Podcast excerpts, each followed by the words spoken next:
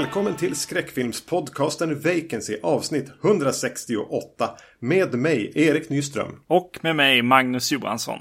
Jag vill bara passa på att flagga för eh, två gästspel jag gör i eh, Titta de snackar-podden. Mm. Och pratar om fredagen den 13. Eh, dels första filmen och dels hela universumet. Så det finns två avsnitt eh, där man kan lyssna på mig prata om eh, fredagen den 13.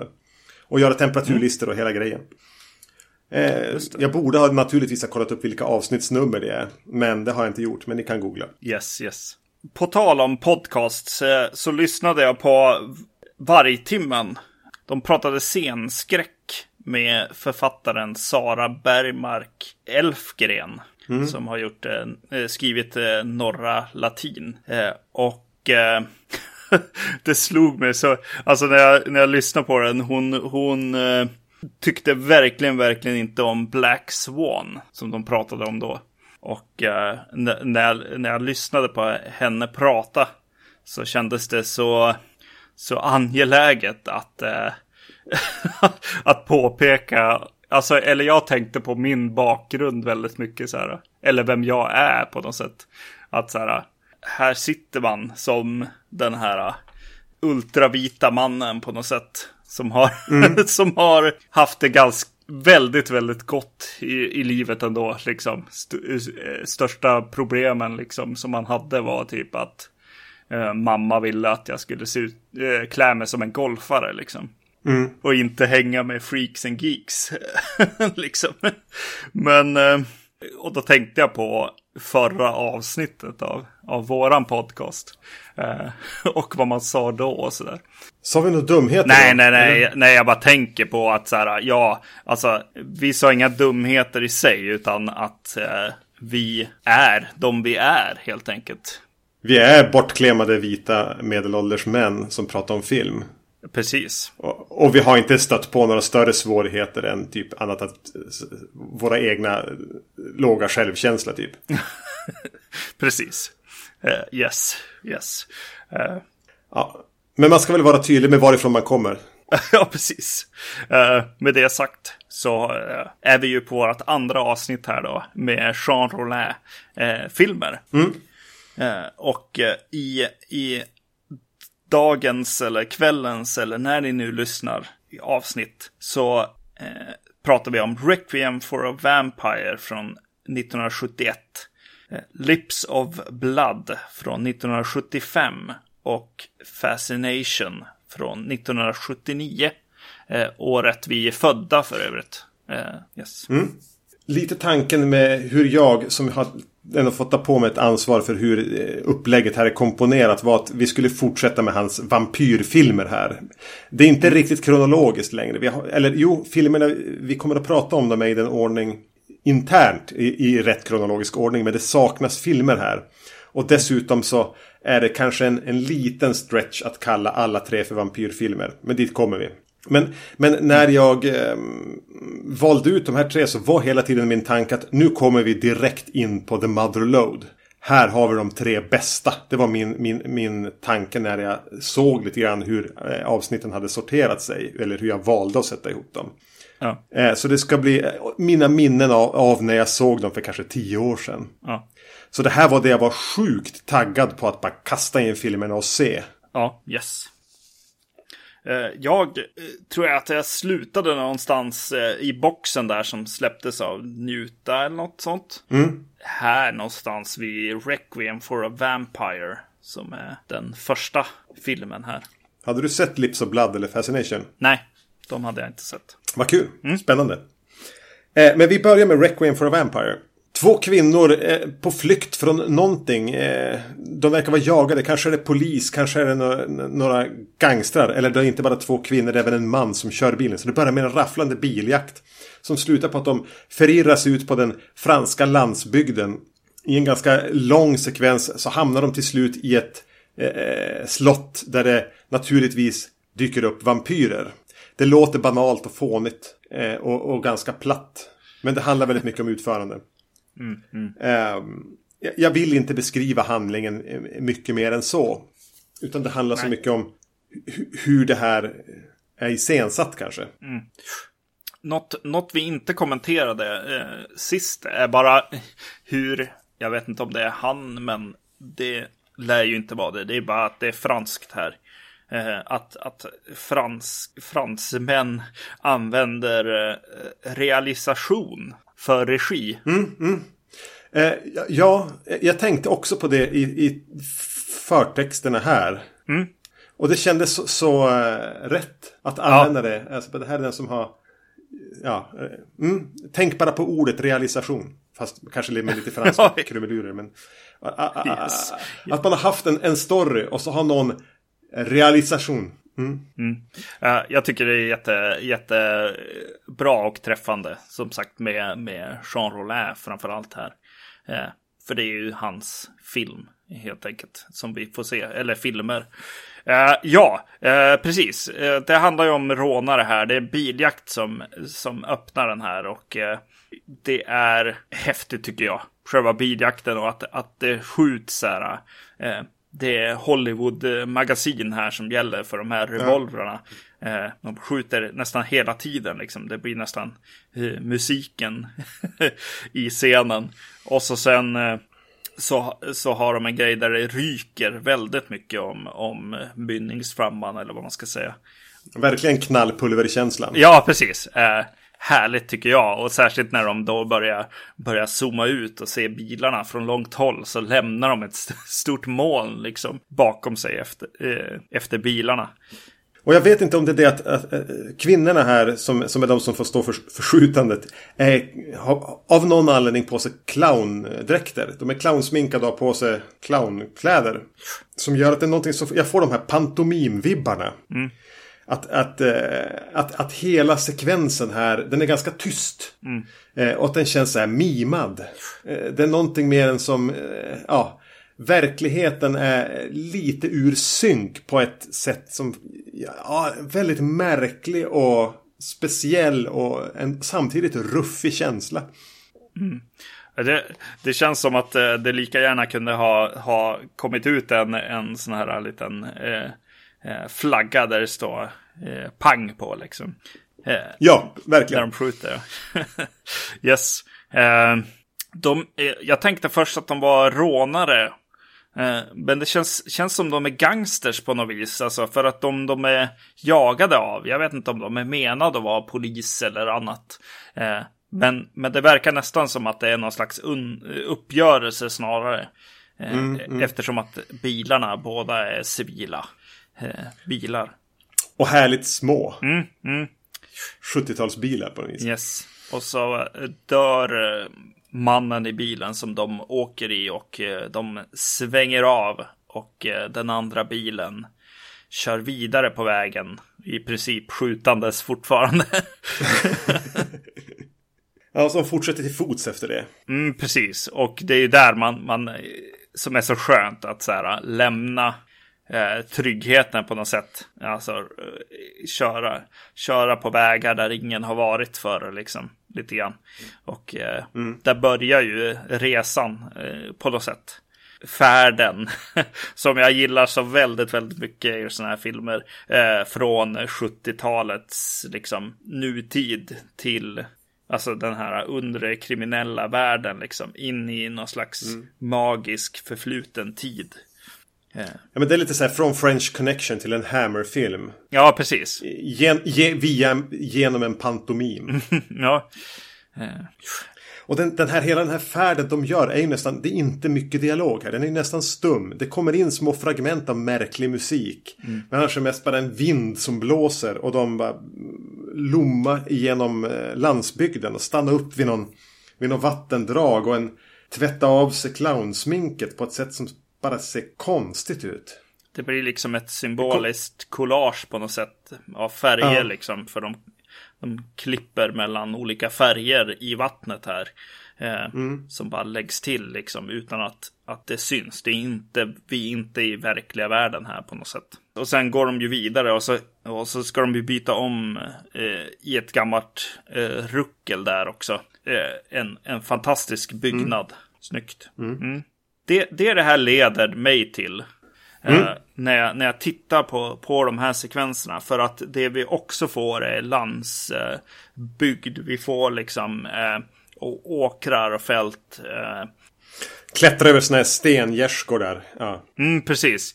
Eh, det är ju att jag känner att jag känner de här eh, kvinnorna på något sätt. alltså just att landskapet och de här två eh, goda vännerna liksom. Mm. Det känns som min ungdom på något sätt med, med kompisar som, som eh, e- Elin och Vilja eller ja, andra också. Liksom. Mm. Eh, det, här, det här paret eh, unga kvinnor som liksom går igenom eh, att bli vuxna tillsammans på något sätt. Eh. Nästan att de håller ju hand. Jag vet inte om de gör det, men i mitt huvud så gör de det. Ja. För de är så tajta. Mm, precis. Eh, kan, bara snabbt stanna upp. De spelas då av en av, som jag nämnde i förra avsnittet, de här Castelltvillingarna. Mm. Här är det Marie-Pierre Castell. Och den andra kvinnan spelas av någon som heter Mireille Dargent eller någonting. Och jag tycker båda två är bra. Alltså de är starka i de här rollerna. Utan att ha, de har inte mycket att säga. Nej. Men jag tycker framförallt Castelltvillingen. Hennes syrra är inte med här. Nej, just det. Jag tycker att hon är skitbra. Mm. Uh, ja, uh, jag gillar verkligen. Och dynamiken mellan dem och sådär. Alltså mm. de gör det ju enkelt för sig på något sätt. Så att, att de får en, en egen liksom look, både hur de är i, i clown-makeupen liksom. En är lite mer så här, ja, har inte David Bowie något? Ja, lite mer åt det hållet liksom. Medan den andra är lite mer klassisk eh, clown på något sätt. Eh, och eh, ja, det, det är, ja, det blir, blir häftig dynamik tycker jag. Som påminner om de här kompisarna från från hög, högstadiet och, och gymnasiet. Eh, det, det här liksom kompisparet verkligen. Eh, mm. Eh, frugan var ju också en, en del i ett sånt par liksom. Ja, det, det det också leder till allt det här är ju att jag, jag åker tillbaka i tiden och så känner jag att jag vill göra film igen. För att det är mm. så, så påtagligt, så, så nära. Alltså man kan, man kan göra den här filmen samtidigt som man får kämpa lite med det artistiska. Liksom. Eh, det är en utmaning känner mm, jag. Mm, mm. Mm. Och det finns, det jag känner av framförallt under den här, vad kan det vara? Första 25 minuterna som är den här irrfärden. Mm. Är verkligen, jag känner hela tiden den här kreativiteten och skaparglädjen som är smittande på något sätt. Precis, exakt. Mm. Att, ja men det är ju det här det handlar lite grann om, om att göra film. Det är att få, få göra så här. Ja, precis. Sen kommer de, eh, kommer de fram till, till slottet till slut. Mm. Alltså jag måste bara äh, nämna en, en scen innan dess också. Har det med kyrkogården att göra? Ja, precis. Det är ja. ju att, att äh, de springer genom en kyrkogård och äh, en av dem ramlar ner i en grav helt enkelt. Mm. Med, med själva kistan där. Så den är väl, ska väl liksom täppas igen helt enkelt. Och eh, när hon ramlar ner där så svimmar hon ju och så kommer det ju såklart eh, arbetare där och börjar eh, kasta ner jord i, i kistan där. Det är en, en häftig scen på något sätt och, och, och eh, just att karaktären som tittar på, alltså hon, hon kompisen, att hon inte agerar skapar ju då slags eh, eh, ja, det blir lite jobbigt liksom hos mig. Ja, men det blir den här mardrömslika känslan som man kan ha själv när man typ bara går i sirap eller någonting. Ja. Det, li, lite de vibbarna, för det är en sån konstig scen som om du bara beskriver den för någon så låter den ju bara dum. Mm. Men det är någonting med att det känns lite handlingsförlamat hela tiden. Och det, även att en, en, av de här männen som skottar ner jord på henne eh, ju, eh, inte egentligen ska se att hon ligger där. Mm. Men sättet de filmar på det så är det som så tydligt att han borde se henne. Som mm. skapar en lite så panikkänsla. Eller bara vänta, du borde ju se det här. Det här borde inte behöva hända. Det Nej, precis. Lite... Mm. Både från det hållet och även från, från eh, kompisen då. Eh, ja, precis. Ja, exakt. Eh, och så, ja, det är någonting snyggt med en hand som kommer upp ur jorden sen. Ja. ja, men det är alltid en, alltid en bild man kan komma tillbaka till. ja, precis. Jo, det är ju så. Eh, och på tal om en bild som man kommer tillbaka till, så just när de kommer till slottet här så Eh, nej, just innan det så, så är det den här brungula dödskallen som vi nämnde i förra avsnittet tror jag. Ja. Eh, som som eh, står där på någon grav. Eh, och det, det, är två fladdermöss tror jag som, som eh, är i närheten av den helt enkelt. Eh, ja, men det är bara snyggt helt enkelt. Off, mm. Mest. Men sen så, det återanvänder ju, det kommer ju liksom sen. Det är ju lite foreshadowing samtidigt. För just den här dödskallen dyker ju upp sen på bo eh, vid borgen också, mm. eller slottet eller vad det är. Yes, nu För, kan vi komma nu är vi, Nu är vi i slottet. Yes. och vampyrerna. Eh, ja men de, de letar sig som in, hittar väl vad de tänker är ett halvt övergivet slott. Eh, och det är som en märkligare, en borg kanske snarare är ordet. Eller en, en fästning. Den är, det är inte något högt tinnar. Man får aldrig något riktigt grepp på hur det här ser ut. Utan det är mest Nej. någon liten portöppning och något, eh, allting verkar som leda neråt och de går in genom någon dörr. Och, och eh, ja men det här slottet, alltså det finns detaljer i det. Mm. I hur de har valt att designa det. Det, det är tydligt att, att Roland bara hittar liksom ett, någon gammal fästning. Mm. Några rum. Men, ja, men dels så vandrar de in i ett rum där det bara hänger ett lik som hängt. Mm. Vilket ger en av kvinnorna panik som bara skjuta mot det. Och det där liket ser, ja, konstigt ut. Eller ett, ett ruttet lik liksom. Ja. Jag tänkte på, jag tänker på eh, kvinnan i Night of the Living Dead som ligger i trappen, alltså en, en trapp upp. Just det. Yes. Någonting fick mig att tänka på, på det. Mm. Och, och, att hon bara börjar skjuta på det. Och, ja, men, eh, fler konstiga detaljer i det här slottet är liksom bara hur det ser ut. Det är rep på väggarna. Det är mycket så här björnfällar. Eller vad det då är för djur. Eh, och, och, och den här beigea stenen. Mm. Som utgör alla väggar. Gör liksom att ja, men det blir en så distinkt miljö de är i. Och så finns det ett, alltså liksom det, vad är det, en kandelaber eller någonting? Eh, som står i, i, i, ett valv och så är det en hand som håller i den. ja, just det. Mm. Jag gillar miljön här, men samtidigt så saknar jag lite grann av, av det som han var på väg in i. Alltså Bava eh, träsket, höll jag på att säga. Lite ljussättning ja. och sånt. Det är lite för ljust eh, och naturtroget, eh, känner jag då. Mm. I, istället kanske att så här, grå sten är grå, inte liksom röd, grön. Eller typ lila eller någonting. Även om, om just när jag Nej. skrev det så, så kom de ju till en, till en sängkammare där som, som ju faktiskt hade lila väggar. Så att, eller ljus på väggarna. Ja, den är ju inte speciellt gotisk. Nej, nej. Ja, alltså när de kommer dit, alltså de kommer dit för att söka liksom skydd och då hittar de där, just den här sängkammaren och lägger sig i sängen här.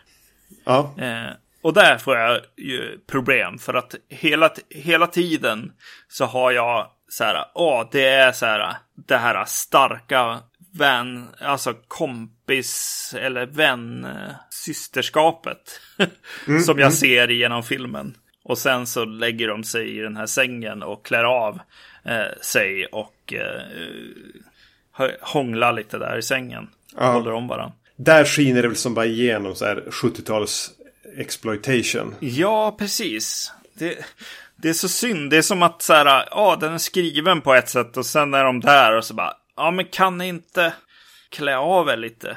Alltså, mm. det stödjer inte liksom det som har hänt innan egentligen. Och inte det som händer efter heller skulle jag säga.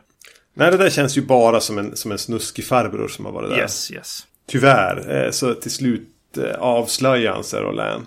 För vi pratade lite grann om i förra avsnittet hur vi på något sätt ändå tycker att han inte känns så male gaze-ig.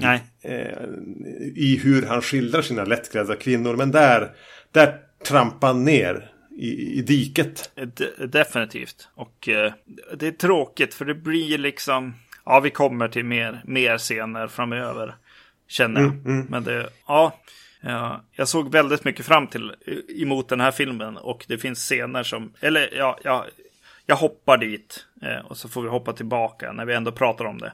Det dyker upp vampyrer. Ja. Eh, och en, en, ett häftigt grepp eller tanke, liksom lite läskig eh, och hotfull eh, tanke att eh, eh, de här vampyrerna har en slags eh, feeding chamber där de har liksom eh, folk, eller i det här fallet bara kvinnor då, eh, mm. inlåsta liksom i, i källaren egentligen, eh, fast i kedjor, hängandes från taket i princip. Och eh, som de liksom går och tar sig en, liksom, en klunk blod från lite då och då. Mm, mm.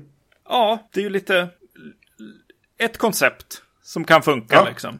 Mm. Men sen så bara, nej men kan inte ha sex med dem lite och kladda på dem och, eh, och kvinnorna har så här, nej de är motvilliga, de är ju faktiskt deras fångar. Men det är också lite skönt. Alltså, uh. Mm. Ja, nej. Ja, det är lite jobbigt. Det, jag, jag tyckte det blev väldigt, väldigt jobbigt faktiskt ska jag säga. Och eh, till slut spolade jag till och med förbi. För att jag hade så stort eh, hopp om den här filmen på något sätt. För jag hade så mycket minnesbilder av den. Eh, mm, av, mm. av allt det här andra. Alltså clowner. Men det man minns, precis, det är ju det man minns av den här. Ja. Det är ju de här första 25 minuterna. Ja. Men men, men de här vampyrerna som dyker upp finns det ju ändå en liten spännande hierarki. Nej, inte spännande, då, då förstår jag upp det. För det består liksom av, av en Dracula. Mm. Eh, en gammal eh, gråsprängd, babblig snubbe.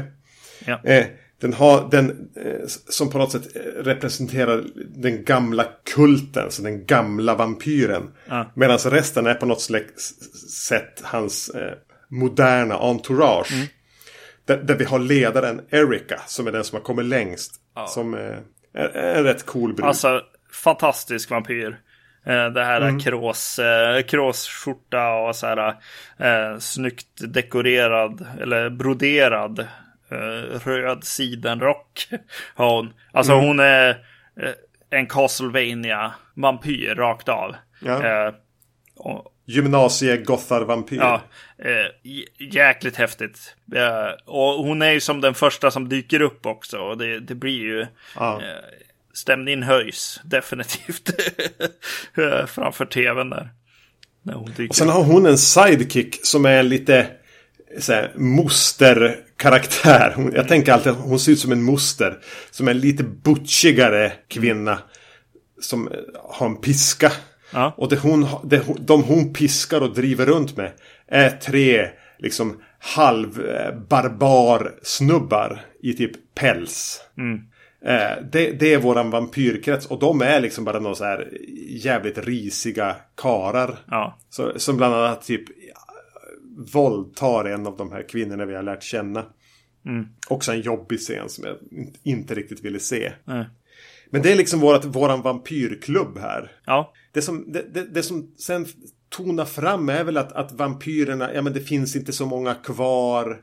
Eh, de här eh, som inte är Dracula-karaktären, de vill ju bli vampyrer och de vill föra det här vidare och de är lite besatta vid den här att, att ja men de känns som lajvare som har gått för långt. eh, Med, Medan Dracula-karaktären så småningom visar sig vara lite mer en eh, sorg, sorglig karaktär som har insett att, att vampyrernas tid kanske är förbi. Vi, vi, ska, ska, är det verkl, ska vi verkligen föra det här vidare? Mm. Eh, vilket gjorde att någonstans så tyckte jag ändå att hans karaktär väck, från början när han dök upp så bara facepalmade jag. men, men, men, han växte på mig på något vis. Ja. Eh, och hamnar ju på något slags eh, sätt i en dialog med en av våra, våra huvudkaraktärer. Mm. Och, och, och, just att den är på något sätt så här, äh, slutet för, för, för vampyrerna. Tiden är förbi. Så är ju det här den första av Jean Rollin-filmerna som har en rimlig titel. Jag klagade egentligen på alla titlar i, i förra avsnittet. Mm. Men Requiem är ju som en dödsmässa. Ja. För en vampyr. Så här, här, här, här stämmer det ju. Det här här är ju titeln eh, någonstans ändå sammanhängande med vad, vad, filmen pratar om lite grann. Ja, ja. Alltså jag, jag tycker så bra om den här öppningen liksom. Så att jag vill ha, jag vill att filmen ska ha ett, ett ännu mer liksom tyngd på något sätt tror jag. Mm. Eh, Eh, så, så jag får lite problem med eh, till exempel musiken i den här filmen. Det blir liksom för kul. Eh, tänkte du på musiken? Alltså i början tänkte jag på att den hade lite så här folksy vibbar. Mm. Men den var samtidigt väldigt spretig. Ja. Jo, det är när de kommer liksom till, till uh, vampyrborgen här och börjar liksom uh, springa runt och kanske vara jagade ibland och sådär. Uh, där, den, där den blir liksom nästan lite glad liksom. Jag, det är något mm. Jag, mm. jag saknar där. Uh, från till exempel Tombs of the Blind Dead eller, eller så. Mm. En film som, som jag faktiskt började tänka på en del när jag såg den här. Det kändes som att så här, i förra i förra avsnittet så, så nämnde vi både eh, Mario Bava och eh, Stanley Kubrick som, som någon slags, eh, in, inte inspiration utan någon, någon gelikar på något sätt här till. Ja, referensnamn. Ja, precis. Som vi refererade till, ja. Eh, och, eh, och här börjar ju det bli nästan lite mer åt, åt Blind Dead-hållet, liksom lite, lite spanskt. Eh, eh, skräck på något sätt. Jag tror att det, det har mycket med fotot för mig att göra. Framförallt kanske. Att, att jag... Det ljusa, beige. Ja, precis. Blekta. Mm. Där, där, försöker, där, kompenseras det ju lite grann med, med, att de har de här clownkläderna och även när de byter om så, så är det lite mer åt så här meme-artister eller liksom ja, ja. Sån, så, sådana utstyrslar och även liksom det röda håret eh, som en av karaktärerna har. Och så, eh, som får kompensera lite grann. Och även miljön i sig då. Eh, eh, ja, nej, hm. jag är inte lika imponerad här alltså. den här gången när jag såg den här filmen som jag vet att jag var då. Att så här, vi ska göra Jean Rollet-filmer, eh, hela katalogen i princip. som vi gör nu. Eh, ja. Var baserat på den här filmen lite grann. Och, och det finns filmer i förra avsnittet som var, eh, som var bättre. Helt klart. Oj. Eh, du håller alltså sammantaget filmen i förra avsnittet som bättre än den här? Nej, jag tänkte mest på den där sista, vad heter den då? Eh, var det Nude Vampire? Ja, The Nude Vampire var, var som hade det här bava ljussättningen och så i mm, sig. Mm. Eh, var, var lite mer spännande den här gången. Men det är nog för att jag blev jag tyckte det var synd att, att, att han, eh, han tog det här klivet in i och var, var slis på riktigt liksom. Mm. Mm. Ja, för alltså första 25-30 är briljanta. Eh, sen håller den inte fokus, det håller jag med om. Men jag håller den här ändå så här hyggligt högt. Jag tycker definitivt att den sammantaget är av de filmer vi har sett fra, fram till den här så är det den starkaste. Mm. Och då, då, är det mycket inledningen som sagt var som står för det. Men jag kan ändå gilla ändå att han är konsekvent i att alla karar i Roland-filmer är värdelösa. Ja, precis. Det är kvinnorna som är de karaktärerna som ger någonting. Och det handlar inte bara om att de ska visa brösten. Nej, precis. Nej, Nej det är väl det som, som är, eh, är det jobbiga liksom. Att de här kararna dök upp, särskilt efter den här fantastiska vampyrkvinnan som dyker upp här.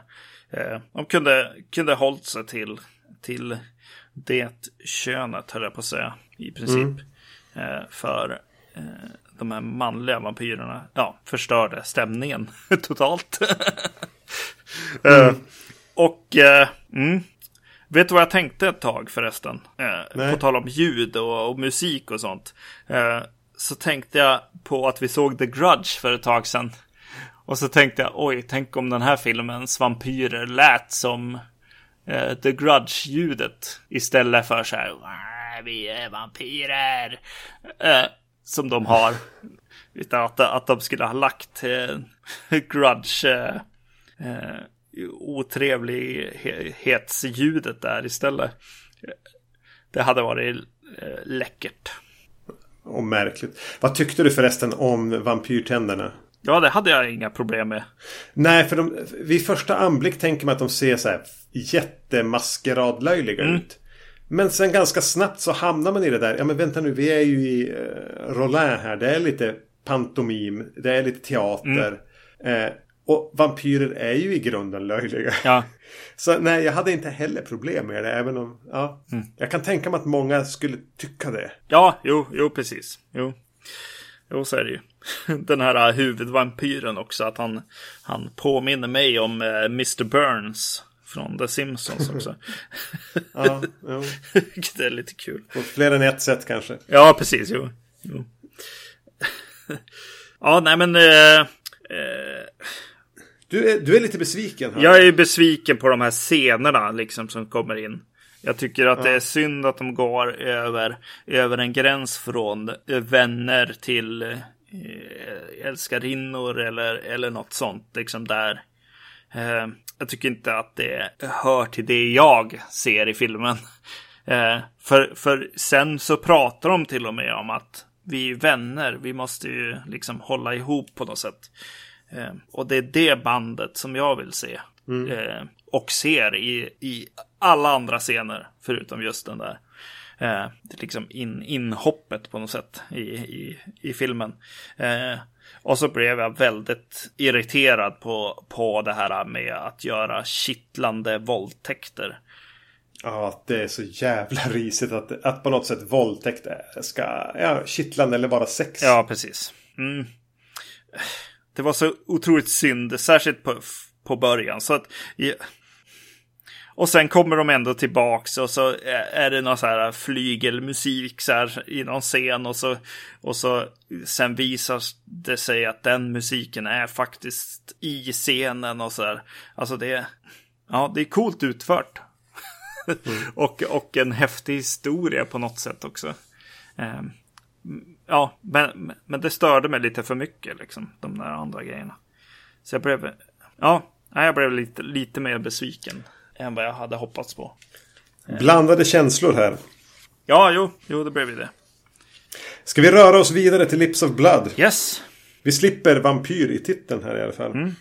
Eh, den, eh, vi hoppar även fyra år framåt i tiden. Eh, kretsar kring en man som får syn på ett foto i, på, på, på, en fest. Och, och, vilket väcker till liv associationer till ett barndomsminne där han träffade en kvinna som erbjöd honom skydd för natten. Och han blir på något sätt besatt av att kunna återvända dit och kanske få träffa den här kvinnan igen. Så, vilket leder honom på en odyssé genom natten och naturligtvis även in i eh, en, en slags mardrömslabyrint eh, som eh, befolkas av vampyrer. Ja. Den här är ju, är ju spännande. Jag, för, jag försökte länge så här äh, hitta bara, ja men vad är grejen då? Alltså vad, vad, vad gör han här på något sätt? Jag försökte hitta om det var någonting i fotot eller så. Vi pratade i förra avsnittet om äh, en av filmerna hade väldigt mycket som var symmetriskt. Liksom. Mm, mm. Eh, att de här eh, systrarna dök upp. Eh, att, att fotot hade liksom många bilder som var så här, såg likadan ut på båda sidorna av skärmen så att säga.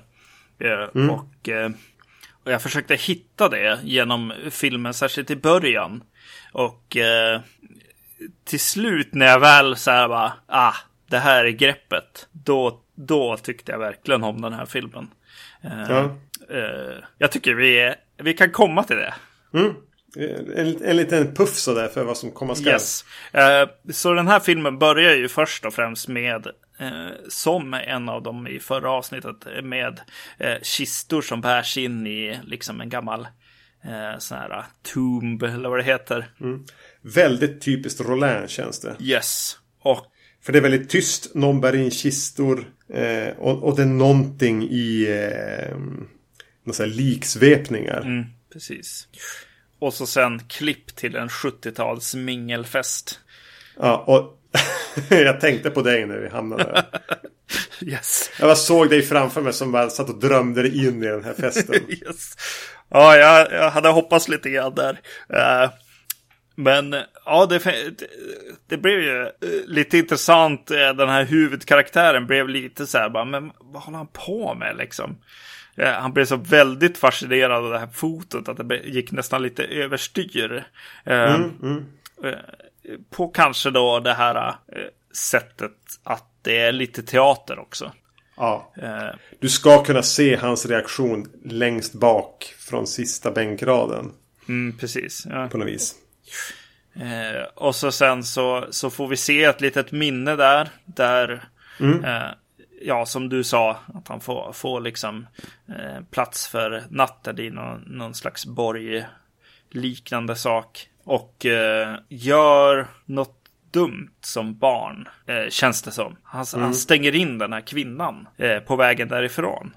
Right? Jo. Mm, precis. Och det, men det känns samtidigt som, inte, som han inte riktigt reflekterar över det eh, i, ur minnet. Det är det som jag tar med mig ur minnet. Men minnet för honom är Åh, jag har varit på den här platsen. Det, det fanns någon där som jag vill träffa igen. Snarare än eh, nu fick jag liksom ångest eller, eller så. Ja. Intressant. Ja, men, jag tycker att redan, redan i det, alltså, han tittar på det här fotot, man får se hans barndomsminne och sen, sen leder ju det honom nästan i en så här besatt jakt att få, få ja, men, komma tillbaka dit. Och för mig är ju det kärnan med Lips of Blood. Det är liksom jakten på ett minne, längtan tillbaka till barndomen eller kanske att bara få fatt i en dröm som man hade som barn. Det finns en smärta i det. Och, och eh, jag är själv ganska farlig på det där nostalgiska. Att bara vilja tillbaka hela tiden. Att, att, att sträva mot något slags oskuldsfullt eh, ursprungstillstånd när jag var åtta. Eller vad man ska kalla det för. Att det är där man kan hitta en tröst. Eller om jag gör det där annorlunda. Eller om jag får återuppleva det då. Det är det som är viktigt. Det är då jag ska hitta friden. Eller någonting. Eh, den, det, det är väl lite grann För mig är det grundkärnan i Lips of Blood. Och det påminner mig om en film, en, en brittisk Lofi sci-fi. Från typ, kan det vara från 2010 som heter Skeletons. Som är egentligen en, en, en grov skiss på, på eh, Inception. Eh, Som har samma den har samma, eh, det är inte en lika stor del men det är ett litet tema det här med att bara hela tiden drömma sig tillbaks till ett tryggt barndomsminne. Att man bara flyr dit hela tiden. Ja, jag gillar den tanken. Den är, jag- kan relatera till den, jag gillar den och den är samtidigt väldigt, väldigt smärt, smärtsam. För bara någon vecka sedan så var jag ju eh, i över en helg eh, hos dig. Eh, och, eh, och du eh, jobbade och jag gick omkring på stan i Skellefteå. Eh, där jag vä- växte upp då. eh, och eh, nu har jag, jag tror att jag börjar ha bott, bott här i Stockholm längre än, än vad jag bodde i Skellefteå. Ja. Men det finns ju definitivt eh, någonting där när man kommer tillbaks dit. Och eh, ofta så hamnar ju jag i att jag går till platser där saker har hänt. Jag lyssnar på musik som, som tar mig tillbaka till liksom en, en eh, tid där det var liksom där möjligheterna liksom skapades på något sätt. Ja. Eh, mm, ja, jag, kan verkligen känna igen mig i, vad- du pratar om. Nostalgi är ju starkt, definitivt. Eh, och och eh, ja, vi på podden på något sätt så går ju ännu längre tillbaka. Liksom. Vi liksom födda på just slutet av 70-talet. Liksom. Ja. Eh, men det är någonstans där som filmintresset liksom stannar lite grann. Det, det är 70-talet som är liksom trygga punkten nästan. Eh, om inte 80-talet då. Barn, barndomen mer då. Eh, ja, det är lite spännande liksom. Eh, jag riffade på på, på din här känner jag. Men, men absolut, han är där också. Han, och han fastnar i det. Han, han, han upptäcker det nästan för första gången på något sätt. Eh, det är någonting som han har glömt. Snarare kanske än, än, än för oss två. Som är medvetna om att vi är liksom nostalgiknarkare. Ja, precis. Mm. Eh, eh, Odysseen här eh, drar ju honom, alltså han börjar ju se den här kvinnan eh, lite här och där och, eh, och börjar liksom vandra runt egentligen. Eh, han söker upp en, en fotografen till det här fotot för att försöka få liksom eh, tag på vart, vart tusan är det här. Eh, Men, men, men får inte riktigt eh, till det på något sätt liksom där. Får inte riktigt fatt i det. Nej, och eh, därför så går han bara omkring och bland annat så går han på bio och ser en Jean Roulin-rulle. Eh, Ja, The Nude Vampire. precis. Eh, och eh, det, det känns så här väldigt självupptaget på ett sätt av Jean Roulin. Men själva punchlinen eh, i att så här, jag blev så här bara, jaha nu kollar han på en affisch liksom på den här eh, filmen. Det var ju lite töntigt nästan. Men sen Ja. så går han in i biosalongen och eh, ser den här kvinnan eh, vid sidan av skärmen där det finns som en, eh, en eh, nödutgång eller en toalett liksom avdelning. Ja. Och så står hon där och så står hon bara där. Och så till slut så lånar han en ficklampa och lyser på henne och ja, hon står där fortfarande.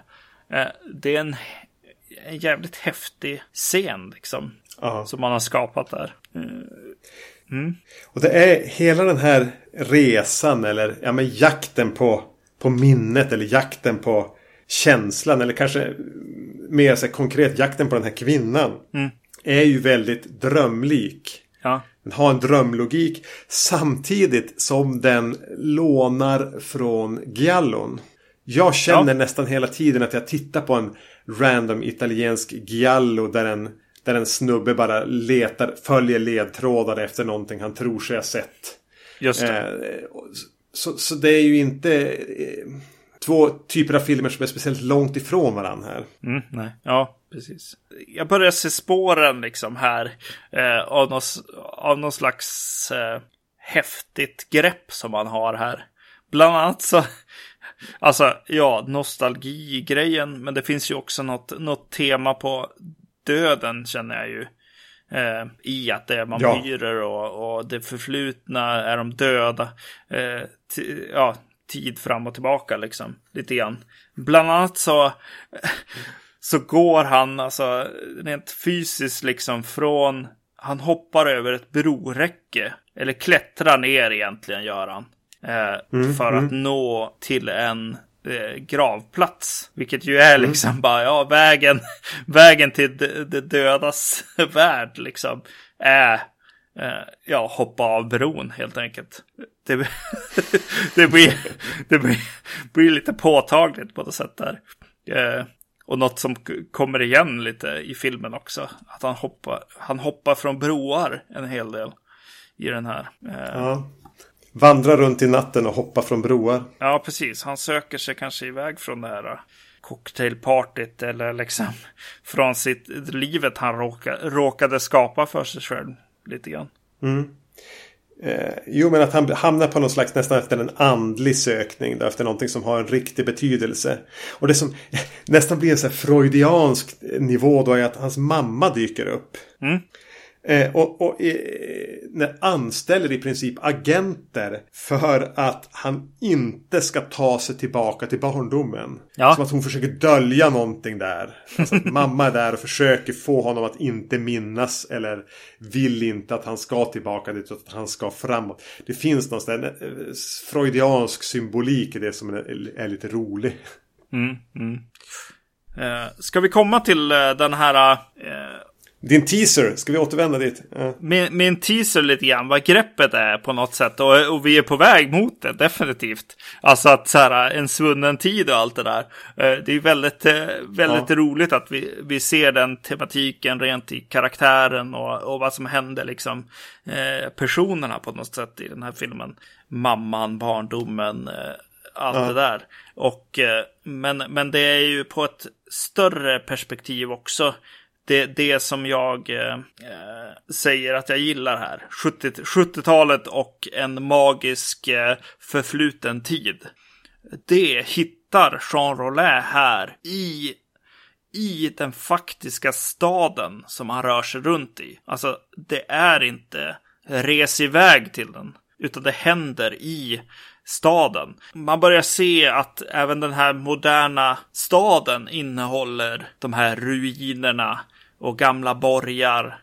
Eh, Ja. Och, och här möts liksom sönderfallet, eller världarna här börjar liksom mötas i faktiska eh, i den miljö han befinner sig i. Vilket är riktigt häftigt gjort tycker jag i den här filmen. Ja, ja. Eh. Det smälter ihop på ett ja, häftigt sätt. Eh, han, han upptäcker ett mord, ett Giallo-mord här, eh, som utförs av Je- Jess Franco. Eh, nej, det är inte Jess Franco, men det ser nästan ut som, som honom i mustasch. Eh, och eh, eh, det mordet är utfört i ett, eh, vad säger man, akvarie eller ett, liksom, Alltså, slags... vad, vad heter det? Terrarie? Te- ja, det. precis. Terrarier. Som blir till en gammal eh, så här, grottan eller vad man ska säga. Ka- kamrarna under liksom slottet. På något sätt. Ja. Eh, ja, det, det är häftigt hur, hur den här moderna staden blir en gotisk miljö på ett väldigt snyggt sätt. Eh, eh, de börjar springa i trappor och, och grejer i parker och sånt. Eh, och som sen skapar liksom en gotisk miljö genom att sätta upp en, en, eh, en staty till exempel. Som helt plötsligt börjar kännas nästan som, som en eh, gravsten eller liksom de, de, de gotiska liksom tematiken. Liksom. Att, att han hittar det i den här storstaden. Eh, ja, som sagt, Och- det är häftigt. Och, och, och vampyren här blir på något sätt lite halvpassiva hjälpare mot eh, 70-talets agenter. Mm. Ja, det, det finns mycket, mycket, mycket teman och tankar om det förflutna och eh, det, en nutid som du då var 75.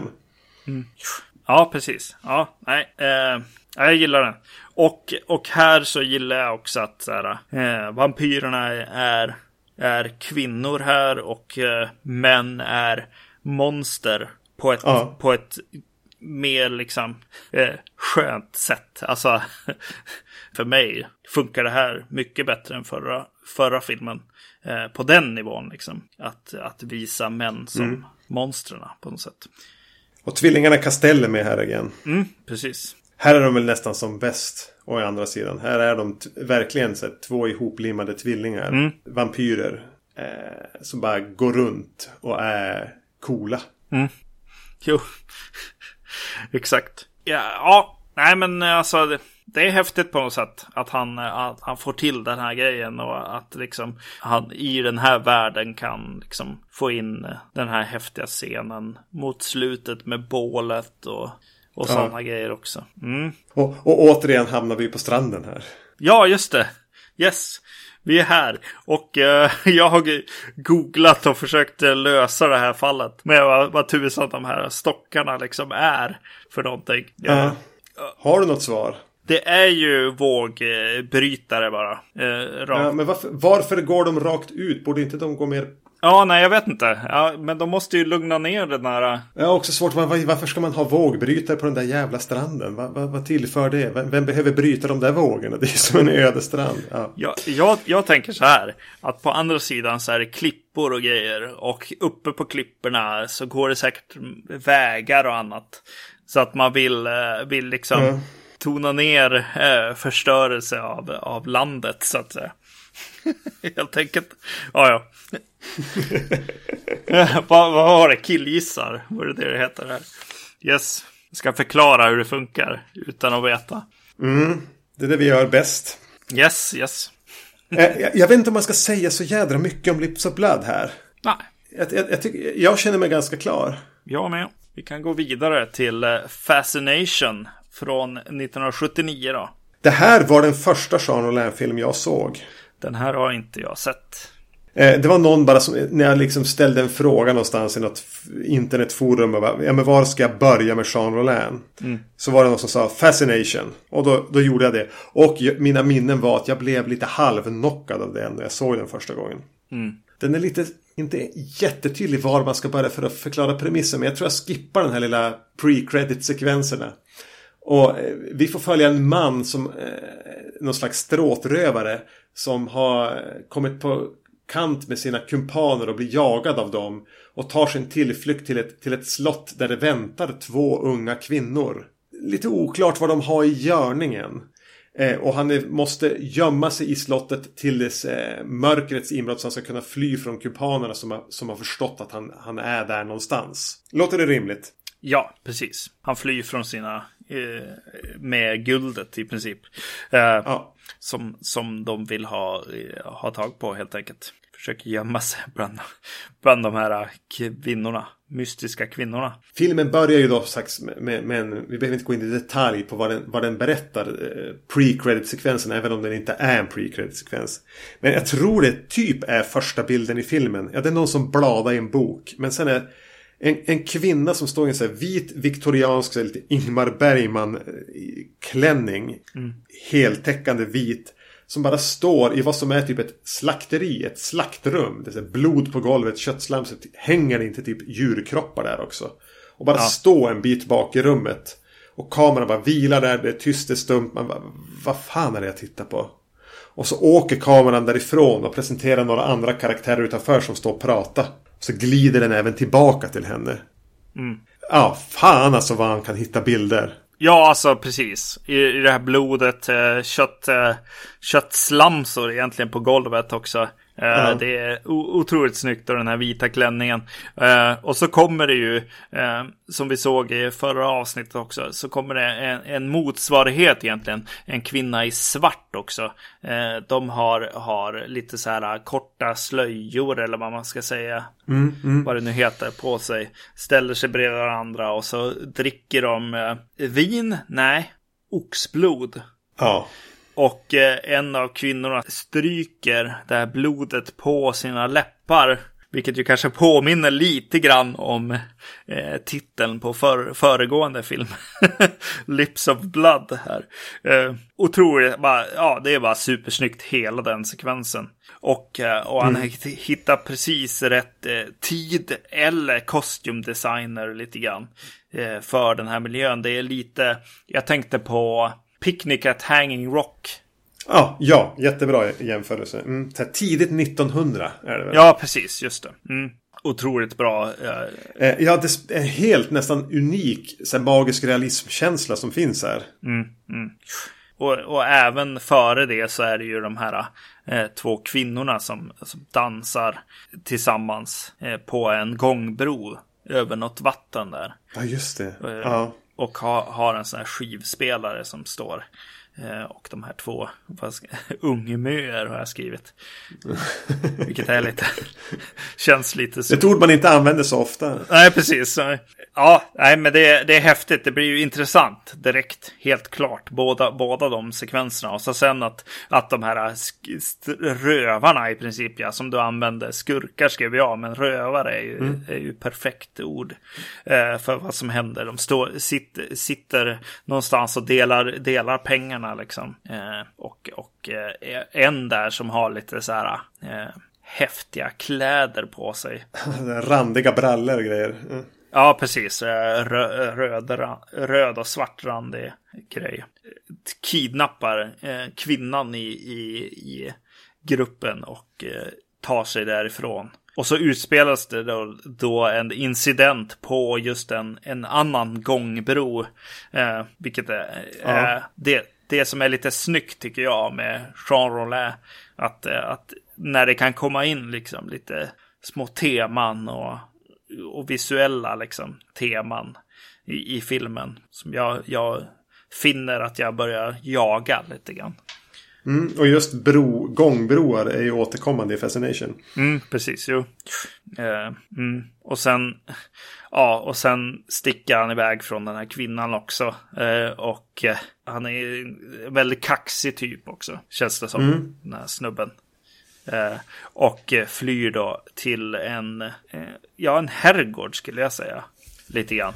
Ja, en herrgård med vallgrav. Kan vi kalla det det? ja. Eh, som ligger då lite grann med lite så här tung dimma kring sig liksom. Så, som att man, man, man eh, börjar nästan undra om den är på riktigt. Liksom. Att han, den dyker upp där helt plötsligt framför honom. Och just som du sa, att, den, att det finns en vallgrav där. Liksom. Eh, och, så, och så lite dova körer också. När man får se den här herrgården. Eh, det är ja, det är bara, det är bara häftigt. Helt enkelt. Och så tycker jag han se eh, några kvinnor där i också. Börja jaga runt i, i huset och försöka få tag i dem. Och då hamnar han ju där i en trapp också. Ja. Eh, som har en dörr i mitt, mitten, liksom i snurren, liksom. Där, där en av kvinnorna bara kommer ut med en hand, liksom. Eh, till att börja med. Eh, otroligt snyggt. Ko ja, både koordinerat ja. liksom och eh, spelat. Mm. Mm. Och sättet hur de bara rör sig, de här kvinnorna i sina vita klänningar och han som bara får skymtar av dem. Och, ja, det är häftigt, häftigt iscensatt. Återigen, häftigt. Eh, realisation. Ja, precis. Det är det vi ser här. Den här filmen, kanske ännu mer än, än de andra vi har sett av Jean Rollin, presenterar ju någon slags mysterie på ett helt, helt annat sätt än vad jag upplever att de andra filmerna har. Eh, jag, jag dras in i vad är det som försiggår? Vilka är de här två kvinnorna? Och varför är mm. herrgården övergiven? Mysteriet är mer i fokus här. Ja, precis. Jo. Och just att han, han uttrycker och säger det eh, och de inte svarar gör att jag dras in. Jag, jag vill veta mm, mm.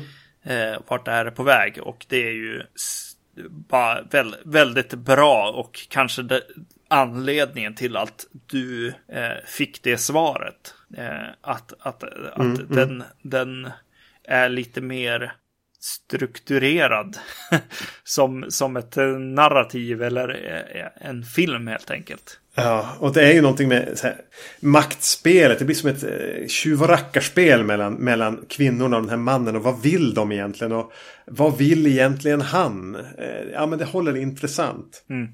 Och jag tycker de är bra, eh, kvinnorna här. Det är inte Kastelltvillingarna. Det är eh, eh, Brigitte Lahaye som spelar en av dem. Som väl här, det här var hennes första icke-porrfilmsroll. Eh, tror jag. Mm. Och hon har ju blivit någon slags kultskådis sen dess. Eh. Ja, jag inser att jag såg henne i en film här om eh, veckan också med, med ett, ett eh, skräckfilmstittargäng som jag kollar på film ibland med.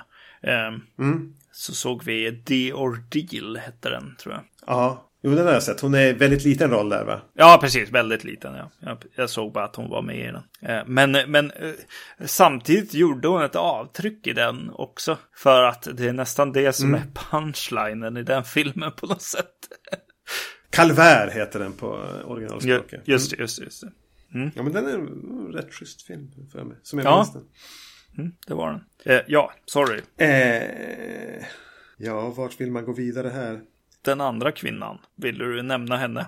Ja, även hon, Elisabeth, spelas av Franka Maj. Eh, häftigt namn. Även hon har, hon har väl mer en passiv lyskraft jämfört med, med vad Lahain har.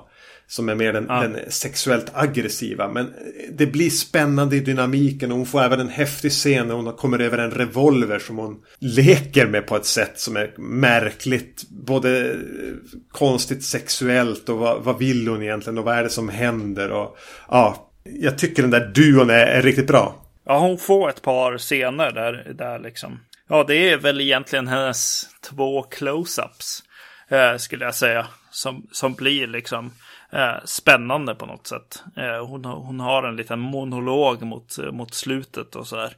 Eh, mm, som mm. det finns något, något spännande i definitivt. Och även det här som du sa när hon leker med, med revolvern. Eh, som för övrigt känns som en häftig aspekt av filmen också. Revolvern blir lite grann av en karaktär i dramat också jag tänkte på hur mycket liksom en, ett sånt objekt ändå kan göra för en, för en film eller en scen. Det, det ger ju någon spänning, helt klart, med, med ett sånt pass eh, farligt eh, objekt i, i det här dramat som utspelar sig. Liksom. Och används på ett effektivt mm. sätt, tycker jag. Eh, och maktspelet, liksom. Som skiftas utifrån vart revolvern är egentligen. Och de där konstiga dolkarna de plockar fram. Och, ja, ja, det... Mm, mycket som är mm. häftigt där. Eh, musiken vill jag bara nämna någonting om innan vi går vidare i den här filmen. Stadig musik. Eh, nästan kanske den som känns mest komponerad enkom för filmen av Rolands eh, filmerna hittills. Och jag tänkte väldigt mycket på David Lynch. Mm. Dovt, syntigt, väldigt underscored eh, och, och, nästan bara någon puls ibland också. Ja. Ja, eh, häftigt. Mm. Ja, nej, jag vet inte. Alltså, ska vi... Ska vi gå på scenerna? ska, ska vi göra det eller? Personligen så... Alltså det här är ju, alltså om vi, om vi pratar om scenerna så är, så är vi ju den här filmen den där äh, filmen ja. med lien. mm. och, och kvinnan som representerar liemannen här. Ja, uh, det är ju en häftig scen. Vi behöver inte gå in på den detaljerna och säga att den Ja men återigen, så där, så där kan man ju iscensätta någonting om man, om man har lite eh, kreativitet. Eh, precis. Eh, blev, blev nästan... Alltså jag hade ju sett bilder från den innan. Jag hade inte sett själva scenen. Jag blev nästan mest eh, imponerad. Eller liksom den blev me, me, nästan mest intensiv i de, de, bilder som jag inte hade sett. Eh, där man får se lite ö, ögonen bakom den här lian. Eh, liksom mm. i närbild. Tyckte jag om väldigt mycket. Ögonen ovanför, munnen nedanför. Ja. ja. Bara gå i grådasket och åskan som mullrar. Mm. Och sen finns det en till scen som jag kallar för scenen 2. Det där är scenen 1. Så finns det scenen 2. Som återigen fick mig att tänka på lynch. Och det är en, eh, en kvinna som återigen så märkligt ljusat kommer och kryper över återigen en gångbro. Svårt skadad, det här är mot slutet. Mm. Och ljussättningen är jättekonstig. Bara en skarp, stark strålkastare. Som mm. inte alls är finns någon förankring i någon verklighet. Kryper har blivit skjuten tror jag hon har blivit. Ja. Eh, mardrömslångsamt och kommer inte riktigt någonstans. Får ingen hjälp. Eh, det som är jobbigt. Också som, som, som tangerar någon slags magi den scenen. Mm, precis. Eh, mycket också utifrån hur tyget i hennes eh, kläder liksom rör sig. Är det slow motion? Mm. Är det inte det liksom? Det är häftigt.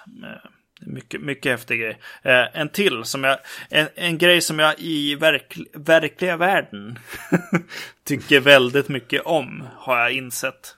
Det är när det här mellanrummet mellan eh, rum, alltså vinklarna liksom, och titta in genom en dörr och se en vägg gå åt andra hållet än den, den som dörren är i. Det här blir väldigt konstigt specifikt liksom. Och kan jag, ja. och kan jag se liksom tre, tre rum genom den eh, vyn eller liksom våran hall till exempel som har flera olika vrår liksom och djup liksom och vinklar. Eh, ja, det är något, något väldigt spännande med det, tycker jag. Att se, se lager på lager lite, lite in i ett rum till exempel. Och, ja. Eh, och här finns det en scen i den här filmen som, som verkligen är i ögonfallande på det sättet, tycker jag. Eh, och det är två, två kvinnor som, som går med eh, eh så här ljuskandelabrar i händerna och öppnar en jättestor dörr, dubbeldörr så här. Igen med den här eh, symmetrin eh, som vi har pratat om. Eh, de öppnar då eh, dörren och eh, då är det en eldstad innanför. Ja, just det, just det. Mm. Jätte, jättestor och enorm och så står det en kvinna framför och otroligt snyggt tycker jag. just, mm. just, just exakt den bilden liksom. Så den här filmen har ju verkligen några sådana också. Det är väl den mest gotiska Roland-filmen vi har sett. Va? Ja. Även om jag inte tänker på det som en, alltså jättegotisk samtidigt. Utan den har egentligen andra kvaliteter som är deras styrka. Men det är mycket det här mörka ljus. Mörka rummen upplysta med ljus. Och åskan som mullrar och ett slott och de här kläderna och allting. Men, men ja. Det är märkligt hur den kan användas av sådana gotiska klichéer. Och ändå så är de mer skira, surrealistiska, i ögonfallande glimtarna som är de som, som stannar kvar. Inte det, inte det gotiska. Mm. Jag hade bara skrivit ner tre scener, jag har nämnt två av dem. Den tredje scenen är slutscenen som stannar på en frysbild som också har någonting eh, ja, minnesvärt över sig. Det är två som pratar på en bro i mm. mörkret. Ja. Eh, jättehäftigt sätt att avsluta filmen på också.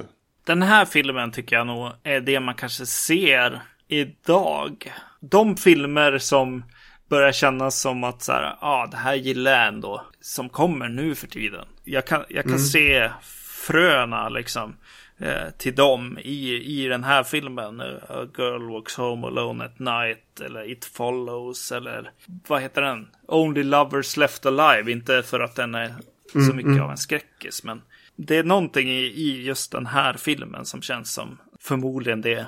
ja, det kanske är det att att det är det här, eh, den här Jean Rollin-filmen som, som är Jean Rollin-filmen på något sätt. Kanske. Ja men det är kanske så. Det är ingen slump att det var den här jag fick utpekad för mig som den, där man skulle börja. Mm, nej. Det här blev höjdpunkten för mig. Därför jag inte vill prata så mycket om, om varje scen och sådär. Utan det är en stark rekommendation bara. Eh, helt enkelt. Ja men det är för mig också. Det här är, det här är på något sätt kronjuvelen hittills. Den är, mm. den är maffig, häftig, minnesvärd, surrealistisk, eh, drömlik, gotisk, cool. Ja, den har mycket av det där. Ja. Eh, jag, jag, kommer att köpa den, den. Av de här så är det här den jag kommer att köpa på Blu-ray. Mm, mm. Mm, det, det, blev väl ändå sammantaget ett litet kvalitetssnäpp upp jämfört med föregående avsnitt. Om vi, om vi kokar ihop det, summan av de här tre filmerna. Ja, precis. Eh, även om, om jag till viss del saknar några av de här liksom prov, alltså testerna och sånt som han gör. Eh, ska jag göra film så här eller så här liksom? Som, som var lite skönt i förra, förra batchen av filmer. Eh, Medan det här absolut är ett snäpp, snäpp upp eh, kvalitetsmässigt, ja. Nästa avsnitt blir de tre sista Roland-filmerna, åtminstone för den här gången. Då kommer det att handla om The Iron Rose, Grapes of Death och eh, Night of the Hunted. Yes. Ja, eh, jag har sett alla tre men det ska bli kul att återvända till dem. Då är det relativt vampyrfritt dessutom. Till nästa gång så hittar du oss på vacancy.se, på Facebook, på Instagram. Jag heter eh, Zombie-Magnus där. Jag heter Erknym. Eh, och ja, så finns vi ju där du, där du lyssnar på podcast eh, förmodligen. Eh, ge oss höga betyg på iTunes. Ja, ha det bra. Hej! Hej!